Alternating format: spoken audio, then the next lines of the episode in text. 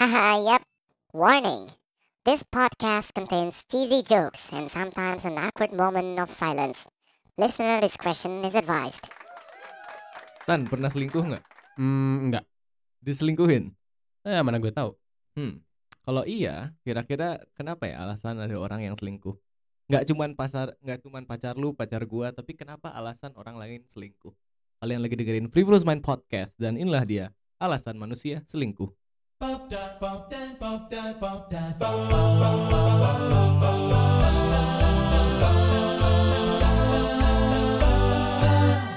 Akhirnya kembali di mikrofon yang lebih decent setelah episode kemarin ternyata ada yang bilang mikrofonnya kok aneh. Kalau mikro- mikrofon kemarin lebih mahal ya. iya, Tan? iya. Berarti itu bukti bahwa harga tidak segalanya. Harga itu segalanya. Mikrofon kemarin itu yang punya eh PBSS podcast bukan siapa-siapa itu 2 juta lebih itu mungkin. Hmm, hmm.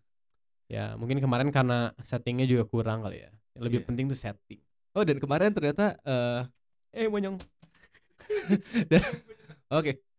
Disponsori oleh minumnya minumnya Oh disponsori ya, oleh Aqua, Aqua. Aqua adalah minuman yang eh nggak tahu, pokoknya sponsor kita Aqua. Alright. Jadi yang pasti bukan mic yang kemarin. Ya ya, mic yang kemarin jangan disebutin mereknya. Kalau mereknya bagus ya. Iya, iya. iya. Nyala-nyala gitu mic-nya. Hmm. Ya kemarin ada way. anjing sih lagian. Oh ya. Oh dan kemarin itu ada karakter yang ternyata Apa? baru muncul di tengah-tengah podcast yang eh, podcast gua kemarin. Ah. Ada Bibi masuk. Oh iya ya. Iya. Oh iya ya bener bener Heeh, bener bener. ada yang notice loh satu dua orang ada yang notice itu ada si Bibi enggak apa katanya gini gini gini gini terus dia jadi karakter baru. eh, jadi karakter baru terus ya buat yang belum denger boleh didengerin ulang kemarin ya di sekitar tengah-tengah katanya muncul Hmm. Gua nggak tahu mitnya gimana. Awas jatuh Ya, jatuh lagi kan. nah alright. Oke. pembahasan hari ini kenapa eh, eh alasan manusia selingkuh? Eh, kita bahasnya dari yang ringan dulu ya. Secara moral ya Mhm, secara moral mhm, yang ada mhm. sekarang gimana kan selingkuh itu eh, salah? Se- sepenuhnya salah? Atau bisa dibenarkan dalam satu hal? Hmm, mungkin pertama-tama sih yang menarik itu ya selingkuh itu eh mungkin kalau di Indonesia itu masih berbeda ya. Apa ya? Beda gimana? definisi definisi selingkuh tuh di Indonesia tuh berbeda dengan di luar negeri kayaknya. Karena oke eh kalau di luar negeri nih kita ngomongin cheating itu udah jelas mutlak bahwa cheating itu berarti you sleep with someone else kan? Oh, Berarti iya, you iya, fuck iya. someone else gitu eh, kan. eh. Eh, atau yang nggak usah lah mungkin ya lu kissing least juga you kiss bisa lah, lah ah, maksudnya ada sexual activity gitu iya iya iya tapi iya. kayaknya kalau di Indonesia karena nggak semua orang pacarannya melakukan hal-hal seksual maksudnya pa- Oke. banyak yang platonik lah ya. Iya, kalau lu Eh. tipenya yang mana? Oke jangan oh, kalau gua nggak tahu ya privasi privasi nih alright lanjut. Tapi ya maksudnya apa ya? Jadi di Indonesia tuh banyak yang eh, kayaknya lu jalan sama cewek lain atau sama cowok lain bisa dianggap selingkuh gitu kan. Iya. padahal nah jadi dalam ketika seperti itu jadi kurang jelas gitu loh akhirnya ujung-ujungnya Iya, iya. Bahkan, tuh. bahkan di sini tuh makan nasi goreng pinggir jalan sama cewek berdua itu bisa aja selingkuh ya. Iya, iya. Jadi makanya jadi mungkin kalau ditanya apakah selingkuh itu salah atau enggak, mungkin kalau di Indonesia lebih susah ya karena tidak Iya, ada kebenaran mutlaknya gitu. Kalau di sana mungkin kan jelas-jelasan lu lu eh berarti lu sleep with someone else ya, lu berarti cheating lah, Iya, mutlak kan. Ada ada sexual activity di Ya, sana. itu mutlak kan, bisa bisa di apa ya, bisa dibuktikan gitu Dan- ada ada Bahkan kayaknya di luar tuh banyak yang masih bisa dimaafkan kalau sexual activity di sini ya maksudnya kayak one night stand gitu loh. Kayak ya udahlah Iya, iya, iya. unintentional cheating enggak juga sih. Maksudnya ya every Iya. cheating itu Tapi, inte- Iya, makanya mungkin banyak keluar alasan-alasan pembelaan itu eh, it was an accident gitu Iya, kan. iya, iya, iya. Kalau enggak I was drunk. I don't know what I did. Iya, iya, iya. gitu Terus kan. akhirnya biasanya sebelum putus nanya, eh, do you love her atau do you love him? Oh iya iya. Kalau emang ada love di sana baru Heeh. eh, putus di sana, tapi kalau Iya, enggak iya. enggak. Eh, ya gitulah intinya. Heeh. Dan tadi benar baru kepikiran kata di Indonesia ya karena emang banyak hubungan yang masih platonik ya. Hmm. Oh disclaimer tadi kan lu ngomong platonik eh, buat yang belum tahu platonic relationship adalah yang tidak ada eh, aktivitas seksual di sana. Nah, ya kan? benar-benar purely apa eh, emotional attachment aja. Iya iya iya. Walaupun gua agak skeptis dengan hubungan kayak gitu ya. Hmm. Walaupun ujung-ujungnya pasti kalau di episode podcast gue yang apa itu cinta pasti Eh. ujung-ujungnya mengarah ke eh, sexual things tapi Iya, iya, mungkin iya. platonik di sini Hmm. at least before marriage lah nggak Iya, ada iya. yang nggak kayaknya nggak mungkin deh ada iya. orang yang platonik Maksudnya seplatonik seplatonik platoniknya aja lu pasti ngerangkul, lu pasti pegangan tangan itu kan Iya iya iya. ada di situ ya lu mau ngebelain nah itu kan cuman cinta-cintaan, cinta Iya. monyet gitu tapi ujung-ujungnya Iya. itu ada lu ada sexual drive-nya gitu. Iya iya iya, Secara biologically gitu kan. Heeh. Lu alasannya apa lagi? gitu. Dan mungkin tadi setelah lu bilang apa di Indonesia selingkuh nggak jelas, iya ya maksudnya dengan hubung banyaknya hubungan yang platonik ini, Hmm. jadi boundaries kita untuk eh, cemburu dan tidak cemburu tuh juga abu-abu ya nggak Iya, sih? iya, ya kan kalau Heeh. orang yang pacaran cuma pegangan tangan Iya, iya. sender-senderan di saat ada orang lain yang melakukan yang sama itu Mm-mm. tingkat kecemburuannya juga udah tinggi Eh, Iya ya, karena eh apa ya pada ujung hari lu jadi nggak ngerasa ini gak sih maksudnya hal yang membuat hubungan lu spesial tuh cuman ya macam-macam gitu. Jadi kayak kalau emang si pasaran ini couple-nya cuman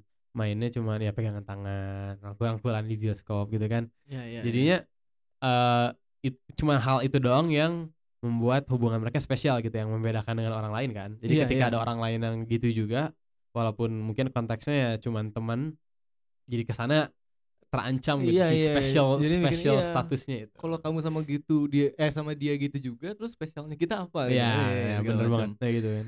tapi eh dipikir-pikir ya gua kira ini maksudnya banyak sampai sekarang yang hubungannya masih platonik tapi ternyata bahkan teman gua pun yang apa namanya yang di luar terlihatnya mungkin ini orang alim baik cewek atau cowok alim Iya, ya kan iya.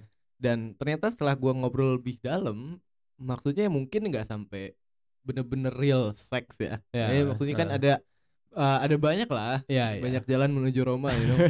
Heeh. eh dan ternyata at least eh, yang sealim-alimnya pun masih ada at least kissing lah gitu iya iya iya.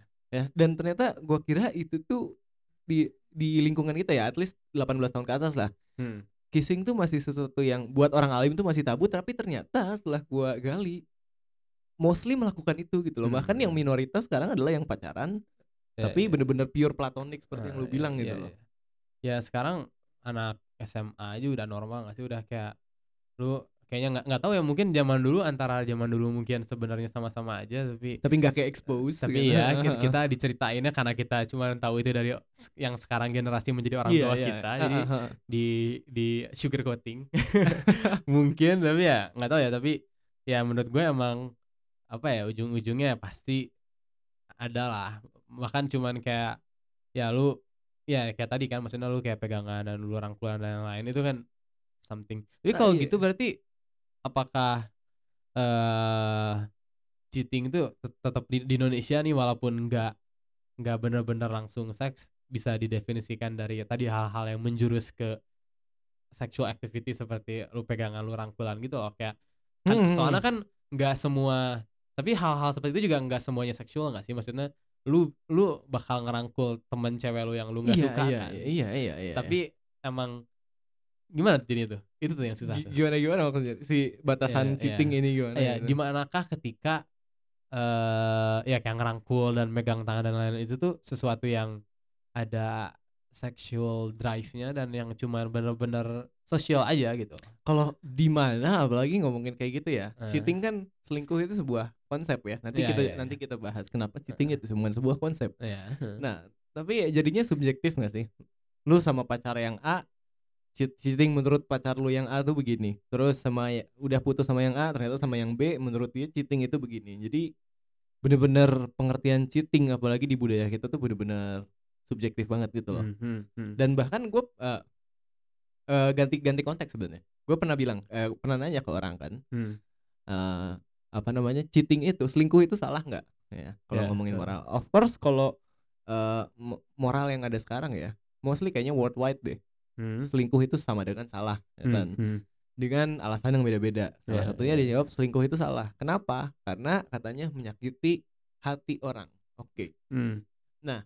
kayak gue pernah bilang di podcast nggak ya Ah, pokoknya moral itu selalu double standar dan cherry picking Hmm, Ya. hmm. jadi di saat orang bilang gitu pasti kepetok lagi gue gua langsung bilang lagi eh oh kalau selingkuh itu salah karena menyakiti orang berarti nggak selingkuh juga salah dong karena dia pikir eh karena kalau kita nggak selingkuh yang tidak selingkuhnya yang sakitnya gitu ngerti nggak sih jadi Yang sama-sama ada yang tersakiti gitu yang kalau kita nggak selingkuh kalau misalnya nih gue ya ya ya ya konteksnya punya pacar terus gue menemukan orang lain ternyata ada perasaan nih di situ kan.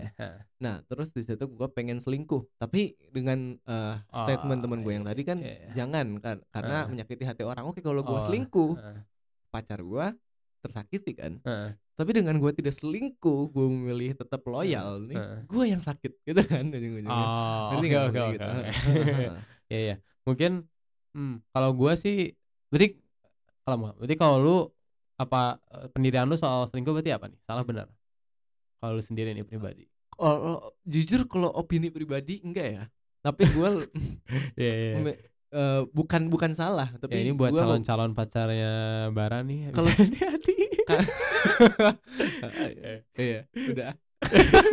Iya, tapi apa? ya? Kenapa kenapa kenapa? Coba jelasin elaborasikan dulu nih. Eh, kalau gua melihat fenomenanya, Hah? gua cenderung no comment karena eh seperti yang tadi gua bilang yang namanya moral itu selalu cherry picking dan nanti kepentok sana sini. Pokoknya Ah, moral ah. itu nggak bisa konsisten aja kan. Iya iya. Nah, tapi kalau gua as a human being yang mungkin nanti tiba-tiba menemukan orang terus gua memilih pacaran, gua cenderung Hmm. yang gua selalu ingin konsisten dengan apa pun yang gua katakan gitu loh. Jadi Hmm, kalau pacaran adalah sebuah komitmen atau hubungan apa pun nanti adalah sebuah komitmen, ya gua berusaha untuk stay with that commitment gitu loh. Iya iya. Jadi eh buat calon gua entah siapa di mana tenang maksudnya ya gua memilih untuk tidak selingkuh sih Iya iya. bukan iya. karena alasan baik buruk cuman Ah, kayak oke, karena oke, alasan eh I'm the I'm trying to be the man with my words aja Iya gitu. iya iya. Ya mungkin sama sih. Kayak kalau gua sih nggak pernah nganggep itu dalam artian kayak nyakitin hati orang atau gimana, tapi ya sama aja kayak ya in- intinya lu janji kan, lu janji ke ha. orang untuk lu kayak kita punya something gitu kan. Iya, Ya heeh. berarti ya ya gitu aja sih kayak sama aja dalam hal kayak kalau lu janjian sama orang terus lu telat gitu. Ya mungkin nggak salah orang nggak akan nganggapnya yang jahat gitu kan karena Iya, iya, ada iya. alasannya banyak tapi ya tetap aja lu salah dalam artian lu nggak menepati janji lu kan. Iya, iya, Nah, iya, iya. Gitu aja sih mungkin. Iya, dan tapi kalau dilihat-lihat lagi eh, kalau masuk ke budaya tertentu Hmm. Eh selingkuh ini jadi bisa lebih abstrak lagi. Contohnya di salah satu budaya yang satu laki-laki bisa menikahi banyak perempuan, ya Hmm, kan? hmm. Itu dalam budaya lain maksudnya kayak uh, harusnya monogami kan, satu perempuan, satu Nah, laki-laki iya, iya. selamanya. Tapi ada Heeh. budaya atau kepercayaan yang maksudnya Nah, yang ini menari-nari banget nih. Iya iya. ada budaya atau kepercayaan yang nggak apa-apa banyak gitu yang Ah, penting ah. it- eh, apa namanya eh stay eh, jujur aja kalau Iya iya pasangannya. iya. eh iya. gue mau ada pasangan baru nih boleh nggak Nah, gitu bisa tapi kok. apa ya ketika itu apakah itu cheating karena maksud gua apa ya mungkin kalau selingkuh itu kata tersendiri ya tapi kalau Ah. kita ngomongin cheating ya, berarti kan itu diambil dari kata cheating Cheat, itu sendiri kan heeh. berarti lu apa berarti curang kan Iya, heeh. curang itu dalam artian berarti lu melanggar aturan gitu Iya, heeh. jadi ketika aturannya aturan mainnya sudah disetujui bahwa oke kita boleh berarti poligami kan Iya, iya, iya. ya berarti lu nggak cheating kan ngerti nggak sih Iya, iya, iya. Iya. kayak cheating itu berarti ujung-ujungnya bergantung dengan aturan permainan yang disetujui oleh Iya, kalau berarti emang kalau dari itu. budaya itu eh itu nggak cheating ya. mm-mm. Tapi yang gua rasa ya sensasi yang tidak sensasi yang didapatkan oleh pasangan yang di HP gua bunyi, Hmm. sensasi yang didapatkan eh untuk pelaku itu kayaknya kurang lebih sama seperti orang yang diselingkuhin. Tapi bedanya kita tahu gitu loh. Misalnya gue sebagai istri nih ya, Nah, iya, iya. gue tahu suami gua punya istri lain. Aha. ya kan sama mungkin perasaannya akan sama gitu loh membayangkan iya. kalau laki-laki yang gue cintai itu sedang bercinta dengan Iya, iya, orang iya. lain pada Iya, malam iya, ini iya. gitu loh Ya dan mungkin kok itu ya harus ditelusuri lagi sebenarnya apa ya mungkin kontroversial ya kalau ngomongnya tapi alasan adanya poligami itu dan kita sering kali ngelihatnya poligami kan Iya, jarang poliandri Ah, ah, ah, Nah, ah. poliandri itu dah berarti ini kalau belum tahu kebalikannya poligami berarti Iya, tapi- cewek ceweknya satu cowok banyak kan? Karena kenapa poliandri jarang karena emang sepanjang sejarah Eh, budayanya, budayanya. patriarkis. Ya ya makanya. Dan ada di podcast Eh, sebelum ya, ya, dan pada ujung-ujungnya menurut gua sih kalau kenapa gua nggak setuju dengan ya itu poligami itu karena eh apa ya susah ada argumen lain selain kepuasan seksual si iya iya. laki-lakinya ha, kan maksudnya ya lu apa sih alasannya punya istri banyak selain itu gitu? Ataupun mungkin nggak nggak seksual tapi egonya pun maksudnya dia berarti ingin punya banyak istri yang melayani dia kan? Iya iya iya. karena bahkan ada yang salah satu aktivis dalam budaya atau kepercayaan itu yang berargumennya seperti itu bahwa kayak ya berarti kan ya istri banyak tuh biar apa? Biar kalau suami pulang tuh nggak capek kan istrinya kalau istrinya satu dia harus ngurusin kayak wah ngebuat ngemasakin iya terus harus ngurusin dan lain-lain lain-lain Oh, kalau iya, istri iya. banyak tuh bisa bagi-bagi tugas terus jadi kayak, capek ya ada yang ya itu kan what the ngepel, fuck gitu ada yang bikinin kopi. ya itu kan sangat patriarkis banget Iya, jadi iya, kayak iya. gue kayak no gitu loh eh, tapi mungkin eh, apa ya tapi dalam sisi lain kalau menurut gua ya kayak ini lu setuju gak sih tapi kalau mungkin di kalangan yang sekarang lah ya bukan misalnya kalangan anak-anak muda mungkin atau atau mungkin dari dulu juga tapi kayak eh di suatu cerita tuh lebih bisa ditoleransi ketika si ceweknya nggak sih yang selingkuh Ketika ceweknya yang selingkuh menurut lu nih ada nggak sih stigma itu menurut lu Hmm. Iya sih, kayak kayaknya ya, maksudnya stigma itu ada, terutama Hmm. kalau kita cuman ngelihat dari satu fenomena doang. Nggak? Fenomena seperti apa? Maksudnya satu fenomena kita nggak tahu menau eh, background hubungan ini Ah, sebelumnya ya, dan ya. orangnya Ah, gimana. Tapi kalau ngeliat satu fenomena, iya sih, maksudnya perempuan yang selingkuh itu Iya, somehow iya. bisa lebih ditoleransi Ah. daripada laki-laki. karena ya kalau gua ngeliat itu ketika perempuan selingkuh naratif yang biasanya muncul itu adalah berarti si laki-lakinya gagal membuat perempuannya nyaman Iya, nggak sih? Kayak antara ah. wah pasti laki-lakinya pasti cowoknya abusif atau cowoknya posesif atau lain-lain akhirnya si cewek ini dia Oh, nyari cowok lain Ada yang menarik, ada yang menarik ya. Ah. Eh, kalian yang buat yang denger juga ya. Ini coba make sure lagi karena yang gua eh, sampai sekarang nih ya, gua ketemu Ah, banyak ah. orang, dicurhatin banyak orang ya ya dan rata-rata Ah. yang perempuan dalam hubungan yang abusive, yang sering dipukul, ya Ya, ada ya. ada ada harassment dan ada at least verbal lah, at least verbal. Ah, ah. Tapi terutama juga ya ada fisiknya. Hmm. Itu biasanya anehnya perempuannya nempel. Hmm. Maksudnya tidak di posisi yang pengen meninggalkan, anehnya gitu loh. Ah, ah. Entah ya, Ya. unik buat gua. mungkin kalau itu apa ya eh ada ketakutan untuk meninggalkan juga nggak sih atau mungkin kayak entah ya Iya, juga. mungkin mungkin kita- topik lain Iya, kita bahas di episode lain ini lucu Ya. lucu. Iya ya soalnya iya iya iya sih emang gue ngelihat banyak yang gitu ya karena gue ujung-ujungnya tuh kayak gue ngelihat banyak orang tuh kayaknya kerjaannya tuh ngekritik hubungan orang terus gue ketika gue udah ada di hubungan gue sendiri gitu gue sadar bahwa ya orang tuh nggak mungkin ngerti si segala sudut Iya, dan heeh. gitu kan detail-detail kayak apa sih misalnya orang-orang pasti ngejudge-nya gampang banget kan kayak wah ini kok mau sih ceweknya cowoknya Iya, gini gini gini, gini dan Padahal lain-lain. Maksudnya luas gitu loh. kompleks bilangnya. gitu, kompleks ada banget gitu loh. emosionalnya Dan ya itu bisa dibahas eh, nanti lagi next ya. guys. Tadi kita ngomong apa? Oh, itu so far kita ngomongin dari moral dan budaya ya. Aha. Coba gimana kalau kita? Kalau moral dan budaya ujung-ujungnya kita pengen podcast ini durasinya lima tahun juga kayaknya nggak akan beres. Hmm. Bisa Yep. cuman ujungnya ya terus aja abu-abu gitu ya. Hmm. Tapi kalau kita lihat sedikit science, ya, science-nya dulu eh nanti di akhir kita ngebahas sejarahnya. Mungkin lu di situ eh bisa lebih tahu banyak ya. Tapi kalau lihat dari science, khususnya psikologi, Ya. Hmm. eh kita ngelihat alasan kenapa orang menjadi tukang selingkuh. Hmm. Ya. Nah, kalau dilihat di satu teori psikoanalisa, tahu lah ya, Sig- Ya, Sigmund apa? Freud. Heeh, ya. Ada yang perkembangannya namanya psikoseksual. Kayaknya gue udah bahas berapa kali di podcast gue nih Heeh, tentang psikoseksual. Ada satu tahap di mana kita modeling orang tua kita. Nah, Mm-mm. itu pertama kayak trigger trigger awal ini orang akan lahir menjadi seorang yang tukang selingkuh atau enggak. Kalau Mhm. kan kalau Freud itu percaya 1 sampai 5 tahun itu fatal banget untuk pembentukan karakter kan. Hmm. Nah, terus di tahap ini, tahap umur dia memasuki 4 tahun lah, tahap felik. Jadi tahap pertama tuh 1 sampai 2 oral, 2 sampai 4 anal, Hmm. tahap eh, 4 sampai 6 tahun itu felik namanya, pailik kalau pakai tulisan.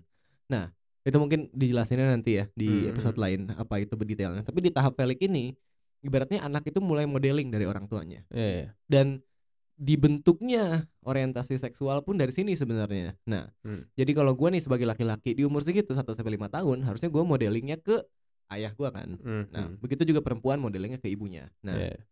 eh, dan di situ emang bener sih quote siapa yang buah tidak akan jatuh jauh dari pohonnya gitu. Hmm, hmm. Karena emang di situ kita imitating, modeling figur father figur kita gitu loh. Ah, Sebagai ah. laki-laki ya, kalau perempuan ya mother figurnya. Ah, iya. Nah, berarti tahap awalnya di situ ya kalau bapaknya terlihat tukang selingkuh atau terlihat playboy atau terlihat apa ya anak ini akan besar menjadi orang yang sama gitu loh. Ah. Dan eh kayaknya cukup terbukti. Gue punya temen gue tidak sebut namanya siapa, tapi Ah. ada yang dia tiap hari tuh kayak ada father issue deh. Dia tiap hari tuh kalau ada yang ngechat segala bapaknya ngechat atau Ah, nelfon, dia tuh selalu jelek-jelekin bapaknya. Terus Ah, salah satu alasannya karena bapaknya itu sama ibunya walaupun sampai sekarang masih menikah tapi bapaknya selingkuh terus gitu loh. Dan Ah, dia iya, tuh sakit iya. hati sama bapaknya. iya, iya. tapi dia menjadi bapaknya gitu loh. Dia punya pacar dia selingkuh dia selingkuh dia ah, suka dugem sana sini dan dia selingkuh gitu Iya, kayak iya, wow.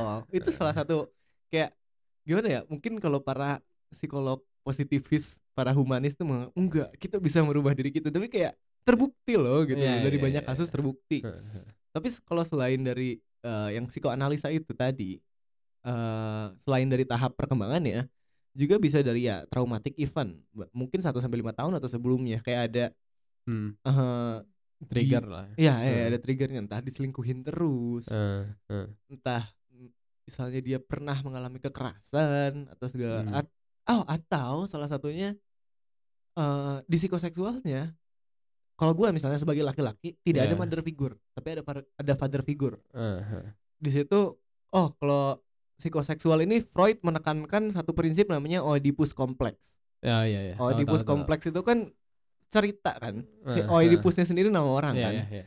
Yang kayak dia ditakdirkan untuk menikahi ibunya sendiri gitu kan. Nah, si. Freud itu pakai nama itu jadi kayak ya eh, tipe pasangan yang kita akan sukai ya seperti ibu kita gitu loh, sadar tidak sadar. Iya, iya. Nah, ada kemungkinan juga kalau di tahap ini 1 sampai 5 tahun kita tidak ada figur pasangan yang ideal, ya sama sekali kayak misalnya gua besar sama ayah gua tapi gua nggak tahu ibu gua kayak gimana dan gua tidak dekat dengan banyak wanita atau mungkin eh, ayah gua pada waktu itu cuman ngenalinnya satu cewek lagi deket tapi pas eh, pertemuan berikutnya ganti cewek lagi ganti cewek lagi ah, itu akan. Jadi pasangan ideal kita bener-bener abu-abu dan ngelihat Oh, contoh ah, ayah iya, kita iya, gitu. iya, dan oke, jadi kayak kita tidak eh, terbentuk menjadi loyal person juga jadi Hmm, salah hmm, satu oh hmm. kita selingkuh juga gara-gara itu Iya, gitu iya. loh. Dan faktornya sebenarnya banyak eh, selain psikologi ya tadi kan udah psikoseksual ya Oedipus kompleks terus ah. eh, traumatic event. Traumatic event itu kan banyak banget. Ada yang ya diselingkuhin ada Ya, yang ya, ya. apalah segala macam traumatic event ini berarti apakah harus di umur krusial ini nih? Enggak ya berarti. enggak sih ya tapi kalau dilihat dari teorinya si Freud Heeh. semakin early traumatic event ini terjadi Ah. ya semakin besar kemungkinan kita akan menjadi seperti Ah, itu oke, gitu Oke oke oke. karena mungkin ya kalau dilihat dari eh, kacamatanya si Freud traumatic event itu kenapa kita bisa merubah menjadi pelaku di situ kalau misalnya kita trauma kita jadi korban Hmm. mungkin kenapa kita eh, bisa menja- berubah menjadi pelaku dalam hidup kita ngerti gak sih Pelaku dalam jadi ah, kita iya, traumatic iya, event iya, kita iya, jadi oke. korban Ah. tapi the next eventnya tuh kita jadi pelaku iya, dalam iya. event Ah, ah, kayak gitu nah itu mungkin karena bentuk insting kita yang membentuk pas lagi eh, ada pengalaman traumatis kayak gitu anjir gua sakit nih kayak begini Hmm, hmm. tapi kayak secara nggak langsung alam bawah sadar kita nangkep oh berarti untuk berhasil kita harus menjadi pelakunya gitu Ya, loh. ya, ya. nah jadi kurang lebih ya kurang lebih kayak gitu Hmm, hmm. terus kalau dilihat dari selain psikoanalisa ini sebenarnya nggak ada di guideline oh by the way ini akhirnya gua bikin guideline lagi Nah, ya ya ya. Karena kalau enggak ini podcast bisa bertahun-tahun. bisa bertahun-tahun dan eh, sebenarnya sebelum gue bikin podcast berdua sama lu gue tuh karena mungkin ngomong sendiri ya Iya, jadi iya. selalu bikin guideline ngomongnya Ah, harus ke mana ah. tapi semenjak ada lu kayaknya oh, udah mikirnya nyantai aja ya udah sih free flow gitu iya. tapi ternyata emang kemarin asik sih tapi ngelantur gitu loh Iya, iya, iya. nah terus sampai mana tadi oh selain dari psikoanalisa juga bisa dilihat dari eh, teori sosial Hmm, yang kayak manusia dekat bisa dekat tuh kayak kita nih hmm. bisa dekat kalau nggak lu sama temen lu sama pacar lu tuh ada eh kalau bukan tentang seksual ya Hmm. eh, pertama karena proximity dan similarity Kalau proximity itu kedekatan, kalau similarity itu kesamaan. Hmm. Dan itu juga alasan orang selingkuh bisa itu mungkin aja orang baik-baik, tapi maksudnya ya kayaknya semua orang hidup tuh nggak bisa hitam putih lah ya. Semua orang yang Hmm. loyal gimana pun ada kemungkinan potensinya dia selingkuh Iya, gitu iya, loh. iya. Nggak Heeh. mungkin sampai 0% ya kan. Kalau somehow misalnya kalau proximity dia ditempatkan di satu tempat pekerjaan atau di satu pendidikan yang bareng sama lawan jenisnya terus aja deket lama-lama kan kayak cinlok gitu loh Iya, iya. proximity itu Mungkin cinlok eh, kan? mungkin paling gampang tuh contohnya kayak ketika orang LDR nggak sih kayak nah LDR itu uh. ya. Wah, jadi personal nih. semoga mantan gue tidak mendengarkan Ya, kayaknya enggak deh. Kayaknya kayaknya nggak tahu sih. Kalau mantan gua kayaknya nggak akan mungkin ngedengerin podcast ini. iya kalau kayaknya so far mantan gue gak pernah komen sama podcast ini Iya, berarti iya, kayaknya gak iya. pernah denger Eh. gitu loh kayaknya mantan gua udah lupa deh gua ada. Eh, oke kenapa jadi bahas mantan lanjut tadi karena ya. apa? Apa oh, tadi LDR ngomong? LDR Ya, Heeh. LDR. dari ya. teori proximity ini Hmm, ya, ya, gimana tadi Ya udah, berarti LDR itu Oh, iya, salah satu iya, contohnya iya. kadang paling kayak common bahwa mungkin LDR atau mungkin kayak apa ya? Shit. Mungkin kalau ekstrimnya tuh bahkan kayak lu di eh apa ya? Tapi enggak sih ya. Mungkin kalau tapi kayak lu di penjara banyak yang ujung-ujungnya berganti orientasi sek- orientasi seksual bahkan. Hah. Iya Iya. nggak sih? Hmm. Iya iya iya. Ya kan, ya kan? Lu di- di penjara lu nggak boleh menjatuhkan sabun itu kan? Di penjara kenapa? di penjara kan ada istilahnya tuh don't drop the soap kalau lagi mandi lu jangan jatuhin sabun Nah, ntar kalau lu ngambil sabunnya Oh, lu- sh- iya tuh, iya. wah Tiba tiba-tiba ada surprise attack gitu. Kalau di penjara. Jadi mungkin ini buat pendengar yang di penjara. eh, ya ini ini ya ya. Jadi ini untuk saran untuk ke depannya siapa tahu di penjara. Eh, hati-hati ya Di lindungi penjara eh, itu lebih banyak Renat Sinaga daripada di dunia nyata. iya iya iya. lindungilah badan kalian Terus mana ya itu Lanjutin tadi. lagi tadi berarti proximity Ah, itu kan dan- proximity ya. Di iya, saat lu iya. LDR atau pacar lu lagi sibuk, terus Ah. lu menemukan satu orang yang tiap hari harus deket, mungkin awalnya nggak suka tapi lama-lama baper, gitu Iya, kan. Itu dan Eh, itu sering banget terjadi kan. eh, eh, Kedua ada similarity, similarity kesamaan gitu loh. eh. Jadi eh, nggak usah deket, tapi ternyata lu menemukan satu wanita yang ternyata punya kesamaan dengan lu Eh, di sisi eh, perspektif mungkin ya. iya, iya, Dan iya. mungkin kalau persamaannya cuman ya persamaan yang umum, kayaknya Hmm. nggak akan segitunya karena Iya, iya. tapi mostly kayaknya buat gua nih ya kalau Heeh, gua heeh. tiba-tiba menemukan satu wanita yang benar-benar uh, perspektifnya sama banget nih memandang kehidupan Heeh, full nihilis absurdis gitu Eh, eh, eh. mungkin akan jadi bener-bener di situ kan similarity-nya muncul tuh dan kuat banget similarity-nya bener-bener Hmm, core hmm. gua kan di situ gitu Hmm, hmm. mungkin di situ juga akan baper gitu loh walaupun tidak Hmm. dekat misalnya mungkin dia orang Kalimantan orang Sumatera iya, who iya, knows lah tapi iya, kalau iya, ternyata uh, dari appearance-nya gua udah suka ya, Heeh. terus ternyata kita punya kesamaan dari prinsip hidup itu juga akan baper apalagi kalau udah similar proximity gitu iya, ya kan? iya, iya. kayaknya Iya. dua-duanya juga saling mengandung kalau ada teori eh, yang awalnya dari teori of proximity itu tadi Hmm. lama-lama dari kedekatan ini kita akan mulai nemu banyak kesamaan kan Iya, iya, iya. begitu juga similarity awal jadi kita pengen deket kan kalau udah menemukan kesamaan kita pengen deket ya udah lama-lama itu eh. terjadi gitu loh Iya, iya, iya. dan makanya rentannya LDR begitu Hmm, hmm. karena eh di saat lu jauh dengan pasangan lu Hmm. nggak usah LDR lah ceweknya juga sih misalnya pacar lu lagi sibuk gitu Di saat lagi sibuk jarang ketemu terus menemukan satu orang yang ternyata punya kesamaan atau tiap hari deket percayalah Hmm, hmm, hmm. begitu Ya mungkin eh ya ya, kalau gue sih mungkin kayak bisa dibilang sebelumnya minjem eh, korektan Oh siap siap siap. ya. Eh, ini to be clear, eh, kita tidak mengendorse habit of smoking. Eh, Rokok itu tidak bagus Ya tidak bagus. Mungkin saya dibuat ntar bisa ada tentang merokok. Ini Iya, kita cuma iya. ngobrolin episode masa depan ya. Kebiasaan. kayaknya kita bakal Eh. buat episode kenapa manusia merokok Hmm, hmm. tapi ditelaah pakai si- teorinya Sigmund Freud psikoanalisa sedangkan Freudnya sendiri itu perokok Hmm, keras Ya, gitu. ya, mungkin bisa. Iya. Eh, mungkin ini gua mau nanya nih berhubungan kayak dari tadi kan lu teori tentang bisa bilang eh, faktor-faktor yang membuat kita at- attracted kan ke hadap Nah. orang lain. mungkin kalau salah satu kasus di gua, gua sempat dekat sama orang cukup lama itu justru gara-gara mungkin tadi ya karena ada dipaksa untuk bekerja waktu itu heeh. bekerja terus dan eh, dan lain-lain tapi menurut gue itu yang jadi faktor lain yang besar itu adalah shared trauma Similarity.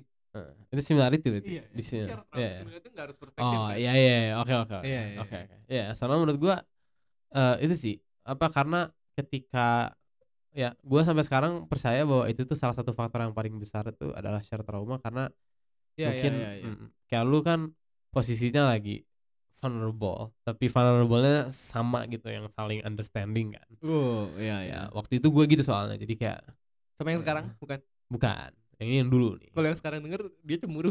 Enggak, Oh, aman. Ini, aman, ini aman. mungkin ya untungnya ya. Gue tuh sama yang sekarang itu tuh, sama pacar gue sekarang. Kebetulan kita itu tidak apa ya?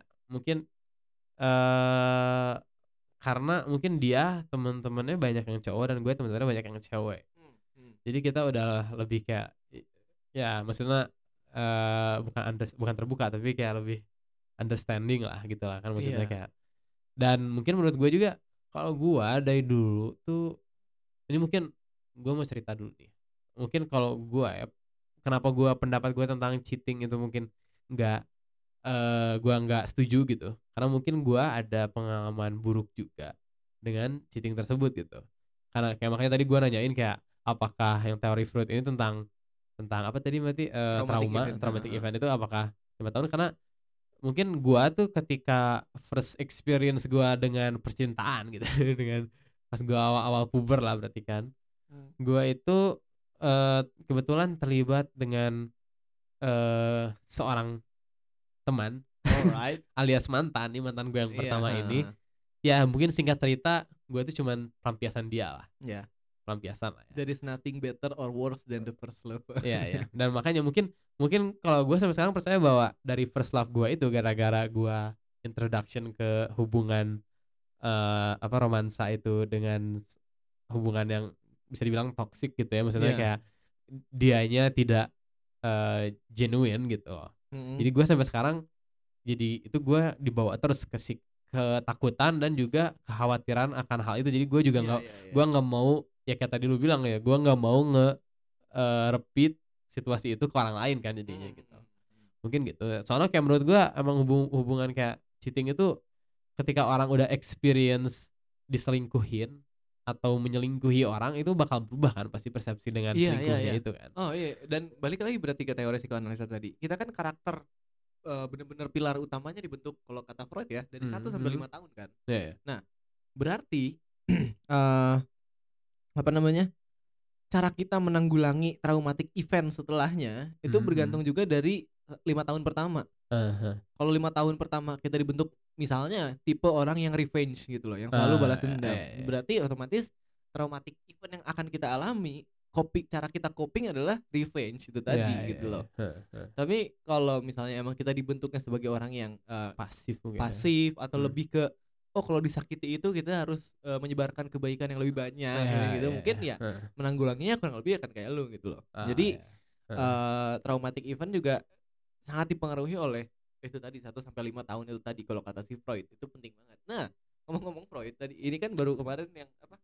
Ada kasus si Reinhard Sinaga itu oh iya iya benar benar lagi Iya. hot topic nih lagi hot topic. harus dibahas nih. Harus dibahas. Itu itu kayaknya dia punya masa kecil yang pretty fucked up. Nggak tahu ya, gue Hmm, malah hmm. belum baca.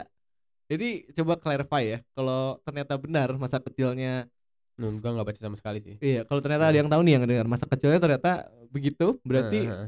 Teori ini sakti gitu. Iya, iya. Kalau setahu gua sih dia dari keluarga yang cukup privilege, misalnya keluarga yang kaya gitu kan. Nah, Dan Gitu kan. mungkin sih menurut gua entah kenapa emang mungkin stereotip tapi eh kebanyakan waktu tuh benar gitu bahwa Iya. keluarga yang justru privilege dan kaya itu problematic gitu. iya ujung-ujungnya iya kan. iya iya. Ya, iya. Tidak ada apa ya mungkin ada kehangatan yang hilang lah. Iya, Hmm. heeh. Nah, kita bahas sampai mana tadi? Oh. Oh, ceritanya udah beda. Udah udah. Oh iya. iya. Heeh. Ya tadi eh, intinya berarti kan traumatic event itu berpengaruh tapi juga sang- yang lebih mempengaruhi 1 sampai 5 tahun lagi. Hmm. Ya, itu Hmm. bagaimana cara kita menyikapi dan coping dari traumatic event. Ya, ya. Dan kayaknya traumatic event itu cuman jadi cuman memperkuat si Eh, eh, pilar itu tadi. iya, gitu loh. Iya, dengan semakin Heeh. banyak traumatic event semakin memperkuat itu tadi Hmm, gitu loh. Hmm. Nah, sains sudah, sekarang kita bahas ke lebih ke eh, apa namanya? sejarahnya, Hmm. tapi mungkin sejarahnya more to science ya. Ya. Nah, ini sebenarnya agak nyambung dengan eh gender equality yang minggu kemarin. Hmm, Ya. Kalau ngomongin kesetaraan ya, pertama gue pengen bilang eh evolusi itu didasari perbedaan, hmm, bukan hmm. kesetaraan, gitu Ya, ya. kan. Makanya untung kemarin setelah gue baca-baca lagi ternyata kita nggak na- eh, kita nggak salah gitu loh. After all nggak nggak gitu salah. Emang benar maksudnya sex equality itu eh, gimana bisa? Karena evolusinya aja sudah berbeda gitu loh, Iya, ya iya, kan. iya. Tapi kalau gender as a social kan, eh, Construct. Construct. Nah, dan uh, equality juga sebagai konsep ya Heeh, itu masih dapat diperdebatkan lebih luas lagi kalau itu kan. Iya, iya. Heeh. Nah, terus kalau ngomongin tadi uh, secara biologi dan selingkuh, Heeh. biologi juga mengatakan kan uh, kalau mungkin kalau uh, kepercayaan dan budaya sering mengkotak-kotakan misalnya uh, selingkuh itu bukan sifat alamiah manusia misalnya atau Hmm, hmm. homosek- homoseksual itu bukan sifat alami manusia segala Iya, macam. iya. Nah, tapi kalau menurut biologi ya eh segala yang memungkinkan secara biologis Heeh. itu berarti alami secara biologis gitu Heeh. loh. Iya, iya. Berarti eh contohnya nggak usah selingkuh misalnya homoseksual aja ya. Mungkin Heeh. kalau secara budaya, secara normatif Heeh. itu tidak alami karena kita menyepakati itu tidak alami ya kan. Iya, iya. Tapi kalau secara biologis, kalau ter- eh, memungkinkan seorang perempuan menikmati eh, kenikmatan seksual dari perempuan lain, kalau itu mungkin berarti alami secara biologis iya, iya. gitu kan. Maksudnya mungkin nggak nggak common, maksudnya nggak umum, Mm-mm. tapi eh ada itu ada variasi yang bisa terjadi gitu kan. Maksudnya variasi yang alami gitu kan. Iya iya iya iya. Bukan kayak mungkin kalau orang kan ngegambarinnya lebih kayak mutasi gitu kan, tapi bukan bukan mutasi secara biologis kan. Maksudnya kayak mungkin kayak ibaratnya albino lah gitu ya, ya nggak sih? Iya iya iya. Kayak ya albino lu mau bilang ya bukan mutasi necessarily kan, cuman variasinya aja yang seperti itu. Iya, kan, mungkin. heeh, heeh. ya ya kalau gue sih ngelihatnya mungkin kalau mungkin ini arah yang lu mau bawa tapi kayak eh konsep apa ya misalnya konsep monogami berarti kan Iya, heeh. itu sih cuman konsep ya itu cuman konsep kan maksudnya Iya, kayak heeh, hal yang diagri manusia kan Iya, Mungkin berarti itu kan kalau dalam eh, biologinya selingkuh, Hmm. ya manusia emang sangat memungkinkan untuk selingkuh iya kan. iya heeh. maksudnya kayak eh, mungkin sekarang lagi banyak kan kayak pergerakan-pergerakan orang-orang yang pro dengan eh apa namanya berarti eh kebaikan monogami berarti apa tuh monogami Oh. Bukan- Tapi bukan poligami kan? polimoris. Ya, ya, ya. Polimoris maksudnya kayak open relationship dan lain-lain Iya, kan. Kayak ha, ha. orang-orang mulai banyak yang gak mau menikah karena menurut mereka impossible untuk nge-maintain Iya, sebuah monogamic relationship gitu kan.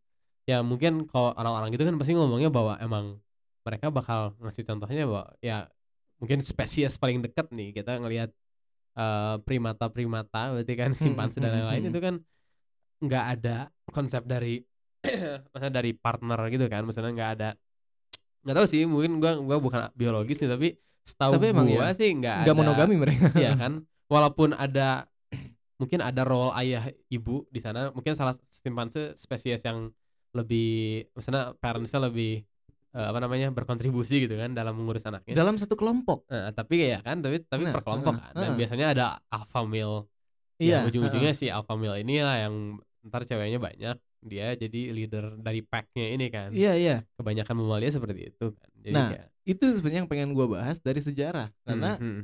emang gimana ya konsep monogami ini kehitungnya baru lah. Iya, iya, Maksudnya setelah eh diperdebatkan pokoknya kurang lebih setelah ada revolusi pertanian di saat Mhm. Homo sapiens ini mulai bertani udah nggak memburu memburu dan mengumpul gitu kan. Iya, Zaman iya, dulu kan iya. kita hunter gatherer terus ada evolusi pertanian di situ kan. Mhm, Di situ mhm. baru mulai terciptanya uang, civilization Iya, iya, setelah iya. dari revolusi Heeh, pertanian. Nah, diperdebatkan sebelumnya sebelum evolusi eh, pertanian ini yang masih suku-suku manusia tuh masih dikit banget loh. Sapi Mhm. spesies Homo sapiens itu masih sangat sedikit. Eh. Banyak yang memperdebatkan kalau emang ternyata kita tidak berasal dari budaya yang monogami after Eh, all. eh, eh. Jadi bahkan di satu suku memungkinkan misalnya satu perempuan nih ya Heeh. untuk punya anak itu dia tidur dengan beberapa laki-laki. Eh, Bukan karena zaman dulu belum ada ce- konsep cewek murahan dong, ya iya, kan? iya, iya. Cuman idenya di situ mereka mempercayai bahwa kalau misalnya kita tidur dengan banyak laki-laki, anaknya itu adalah apa kayak kombinasi dari semua laki-laki itu, Oh, gitu loh kayak alpha male-nya berarti dia ada jiwa alpha male, terus nanti yang jago Ah. ngomong, jago ini, jago ah. berfilsafat gitu loh. Jadi Iya, iya, iya. mereka dulu tuh pasti mempercayain kalau ya emang kalau banyak banyak yang masuk tuh ya, itu Hmm. akan ada kayak kombinasi di antara banyak laki-laki. Kalau mungkin sebelum sains masuk akal dong, mungkin kita kan mikirnya nggak masuk akal kan, harusnya satu Hmm, benih hmm, ya satu hmm. telur gitu loh. Iya, iya. Tapi kan sebelum itu ada, itu sangat Iya. masuk akal gitu Ah, untuk mereka ah. mikir seperti Iya, itu iya. gitu loh. Dan untungnya sebenarnya untuk hubungan yang tidak monogami itu di zaman dulu terutama tadi yang, yang lu bilang apa kayak simpanse yang gitu-gitu. Hmm, hmm. Konsep ibu tunggal dan ayah tunggal itu nggak ada, tapi semua orang tua di kelompok itu jadi lebih baik ke semua anak. Karena Iya, iya, kan? Heeh, Karena kita nggak pernah tahu ini anak siapa. Ya ini Iya. anak kita. gitu. Iya, iya, iya, iya.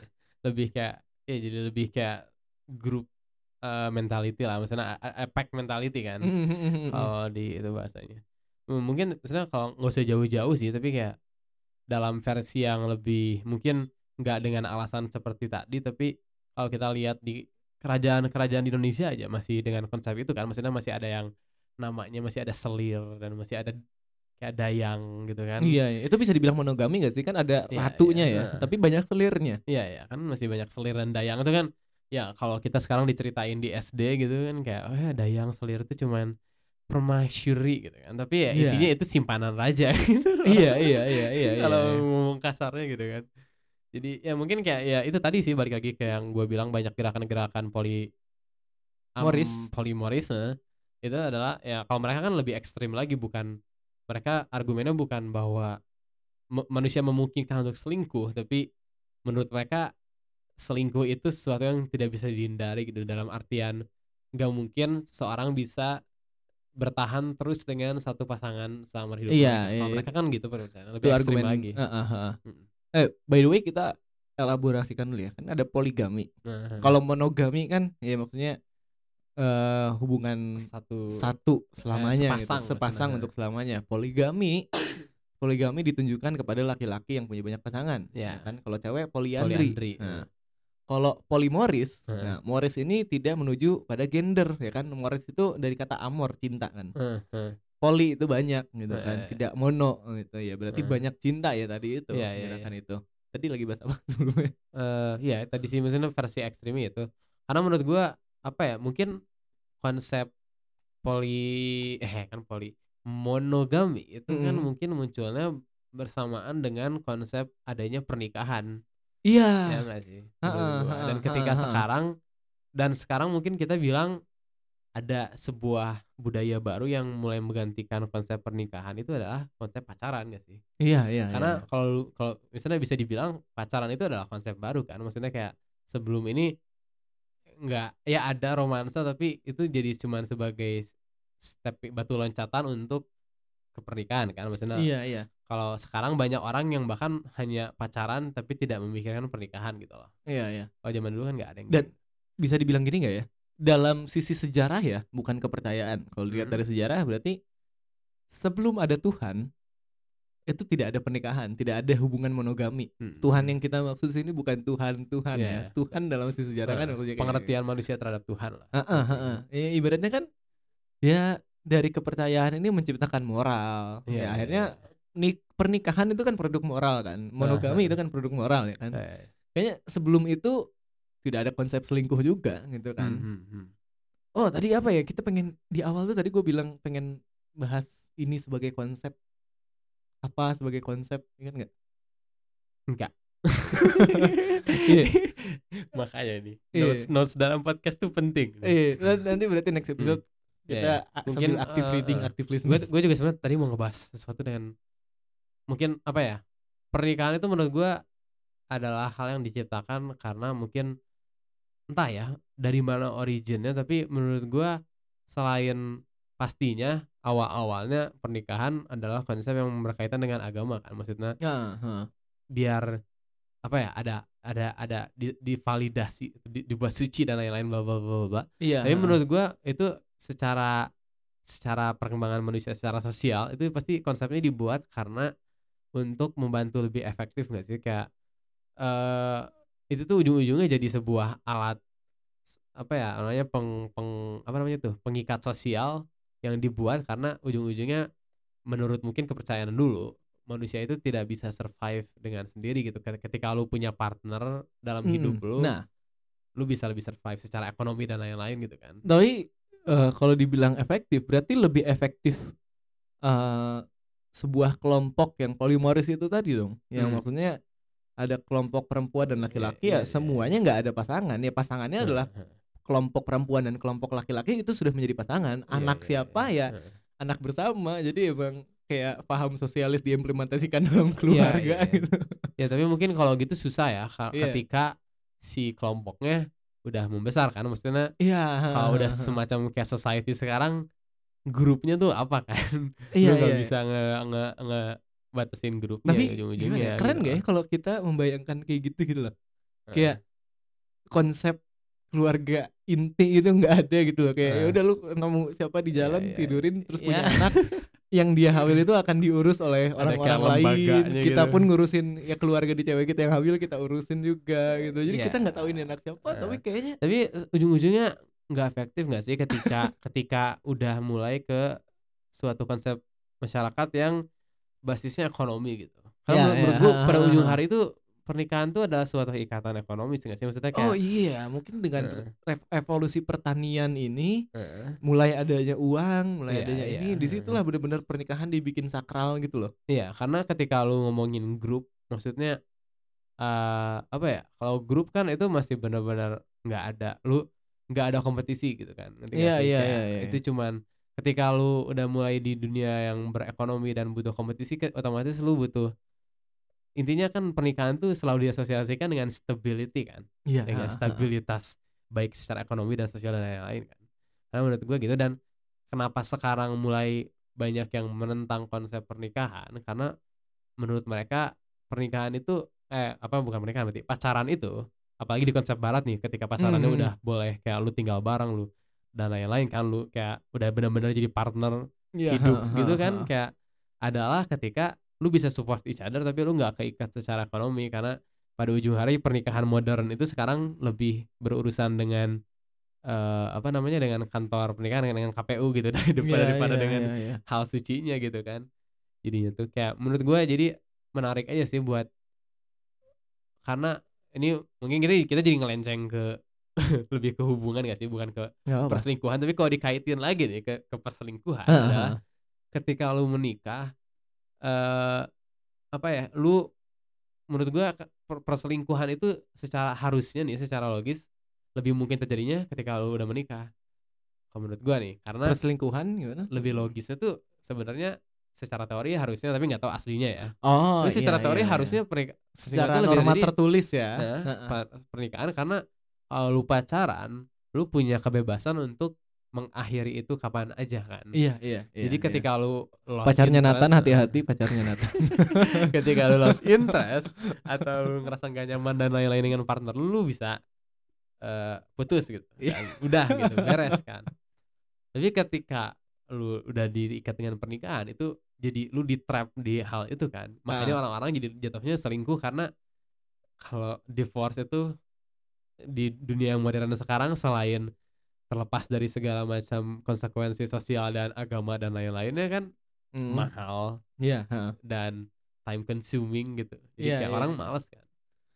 harusnya yang ngomong semua tadi itu gue nggak sih maksudnya sebagai yang single gitu loh maksudnya kalau ya ini gue realis aja, gue iya, realis iya, aja. iya. Karena mungkin gue sama pacar gue juga terbuka dengan kayak maksudnya kayak kalau lu ya kayak kita udah pernah ngobrolin tentang kayak nggak tahu ya aneh mungkin buat orang lain tapi kayak kita udah pernah ngobrolin kayak kalau lu ngerasa lu udah nggak interest atau lu interest sama orang lain ya udah putusin aja gitu gue udah pernah ngomong gitu ke dia dia juga udah pernah ngomong gitu kayak menurut gue emang percuma nggak sih kayak menurut ya konsep kayaknya nggak aneh deh kenapa kenapa Hah? itu bisa aneh ya karena menurut gua kayaknya orang-orang tuh konsep dari putus dan selingkuh dan lain-lain itu adalah hal tabu gak sih kayak ke sana tuh jadi kalau ketika lu mulai ngebicara itu berarti lu punya niatan itu gitu Oh iya ya iya. kan? iya, Kalau iya. gua enggak, gua emang gua ngerasa ya gua pengen komunikasi aja kan biar kayak ya Iya.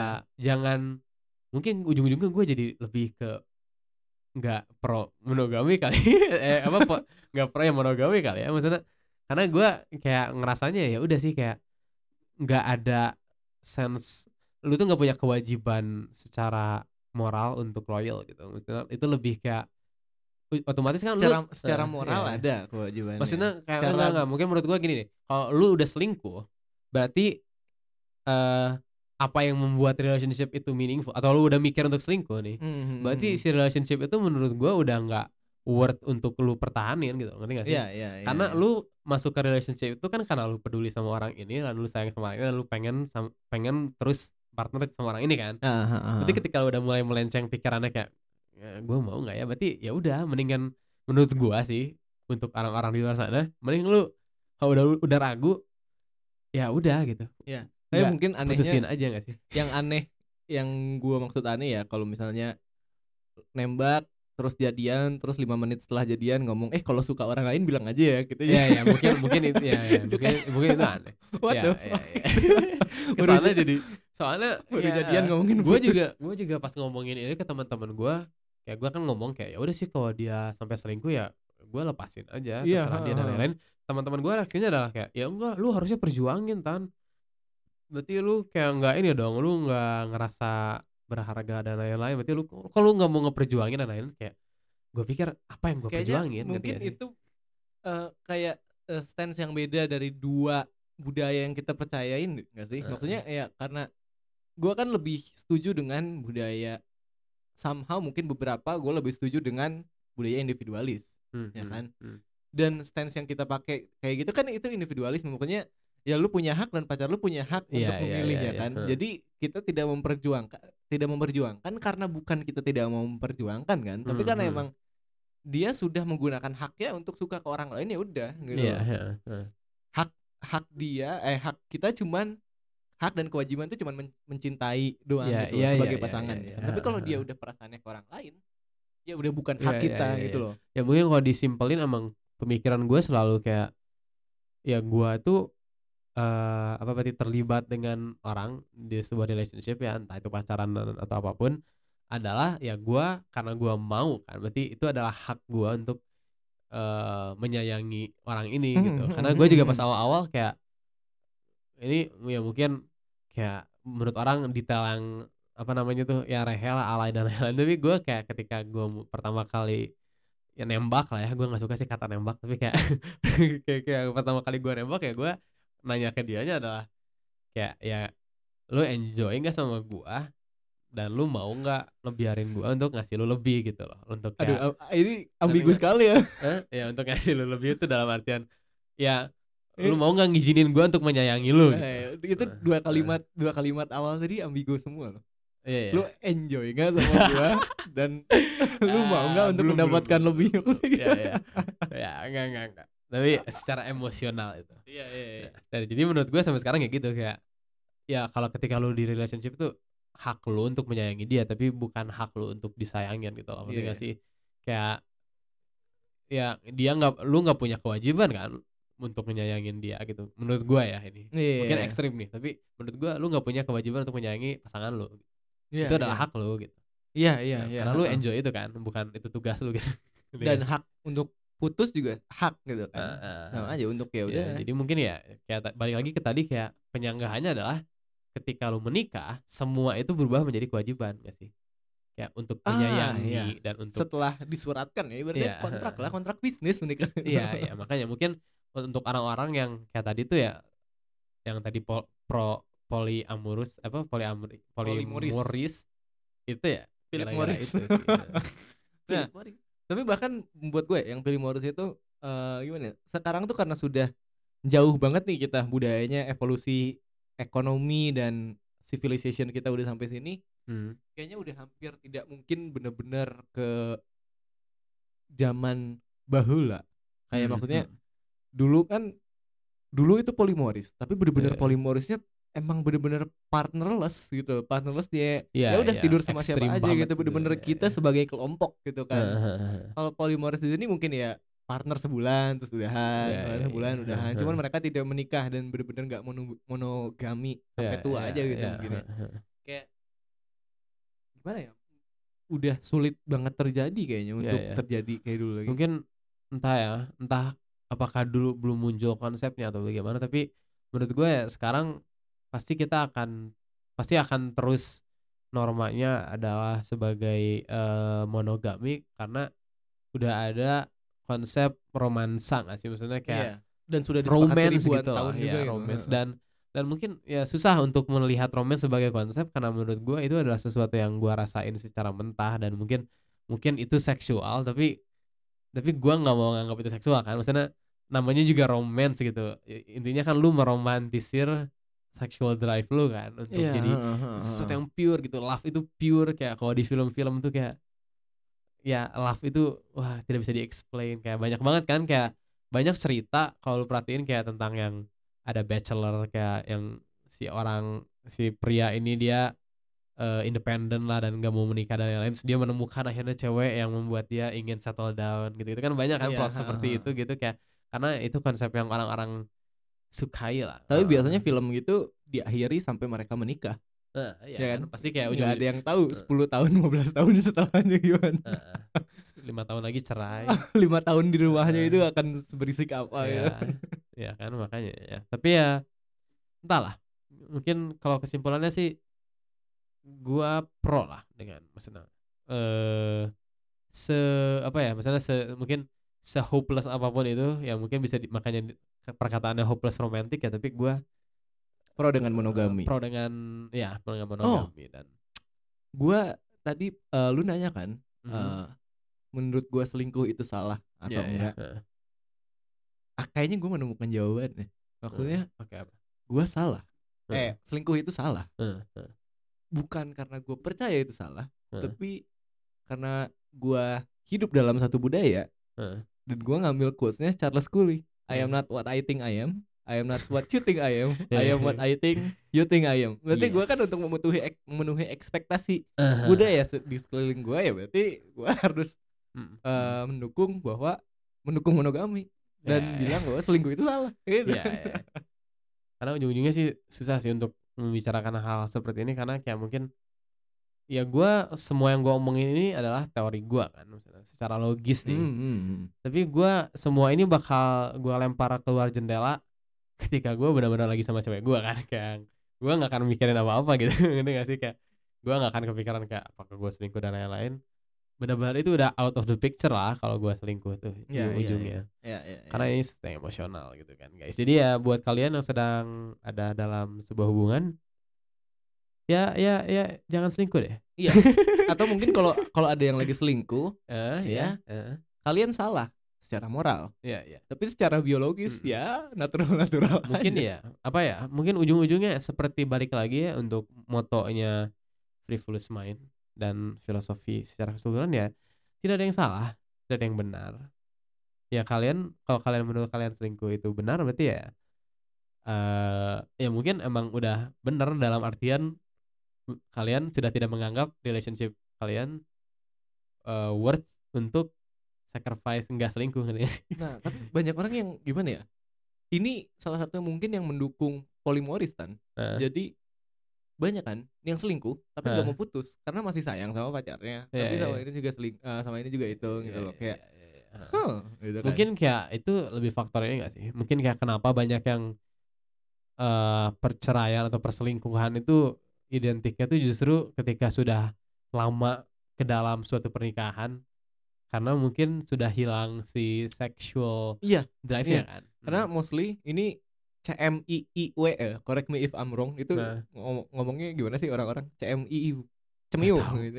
ada kan suka disingkat-singkat gitu Ah, ya ya nggak tahu Ya, tahu bahasa ala itu correct me if I'm wrong tapi setahu gua yang banyak datang ke mediasi perceraian itu core-nya itu dari kehidupan seksualnya Hmm, hmm. dan dari situ bisa melebar ke mana-mana gitu loh iya. komunikasi segala macam bla bla bla intinya kalau Ah, seksual life-nya udah nggak sehat ah, ya udah udah out of last gitu ibaratnya ya iya, iya, iya. itu ngaruh ke mana-mana gitu loh ah.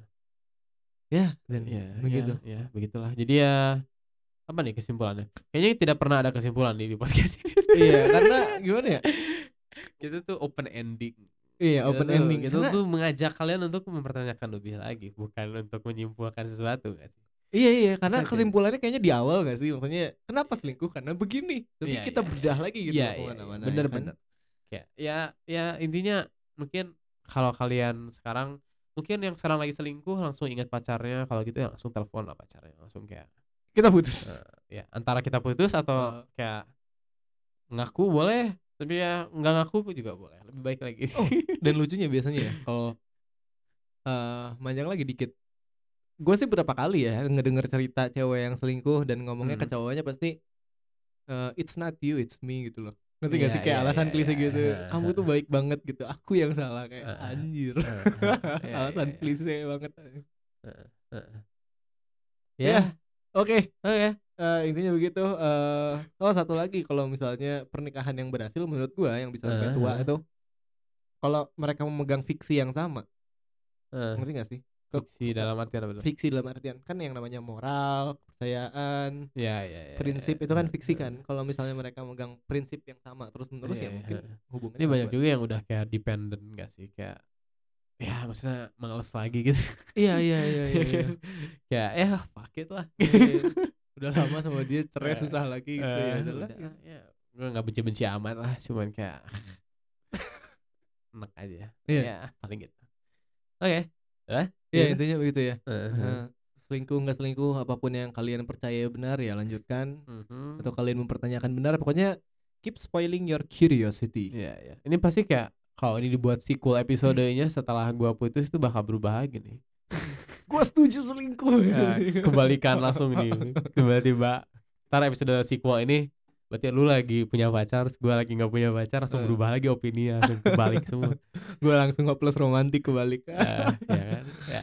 ya udah intinya segitu terima kasih banyak yang sudah mendengarkan podcast ini udah sejam lebih ya terima kasih semuanya. Kayaknya udah sejam lebih terus sih sekarang. ketemu lagi di eh, episode Frivolous Mind podcast berikutnya. And as always thank you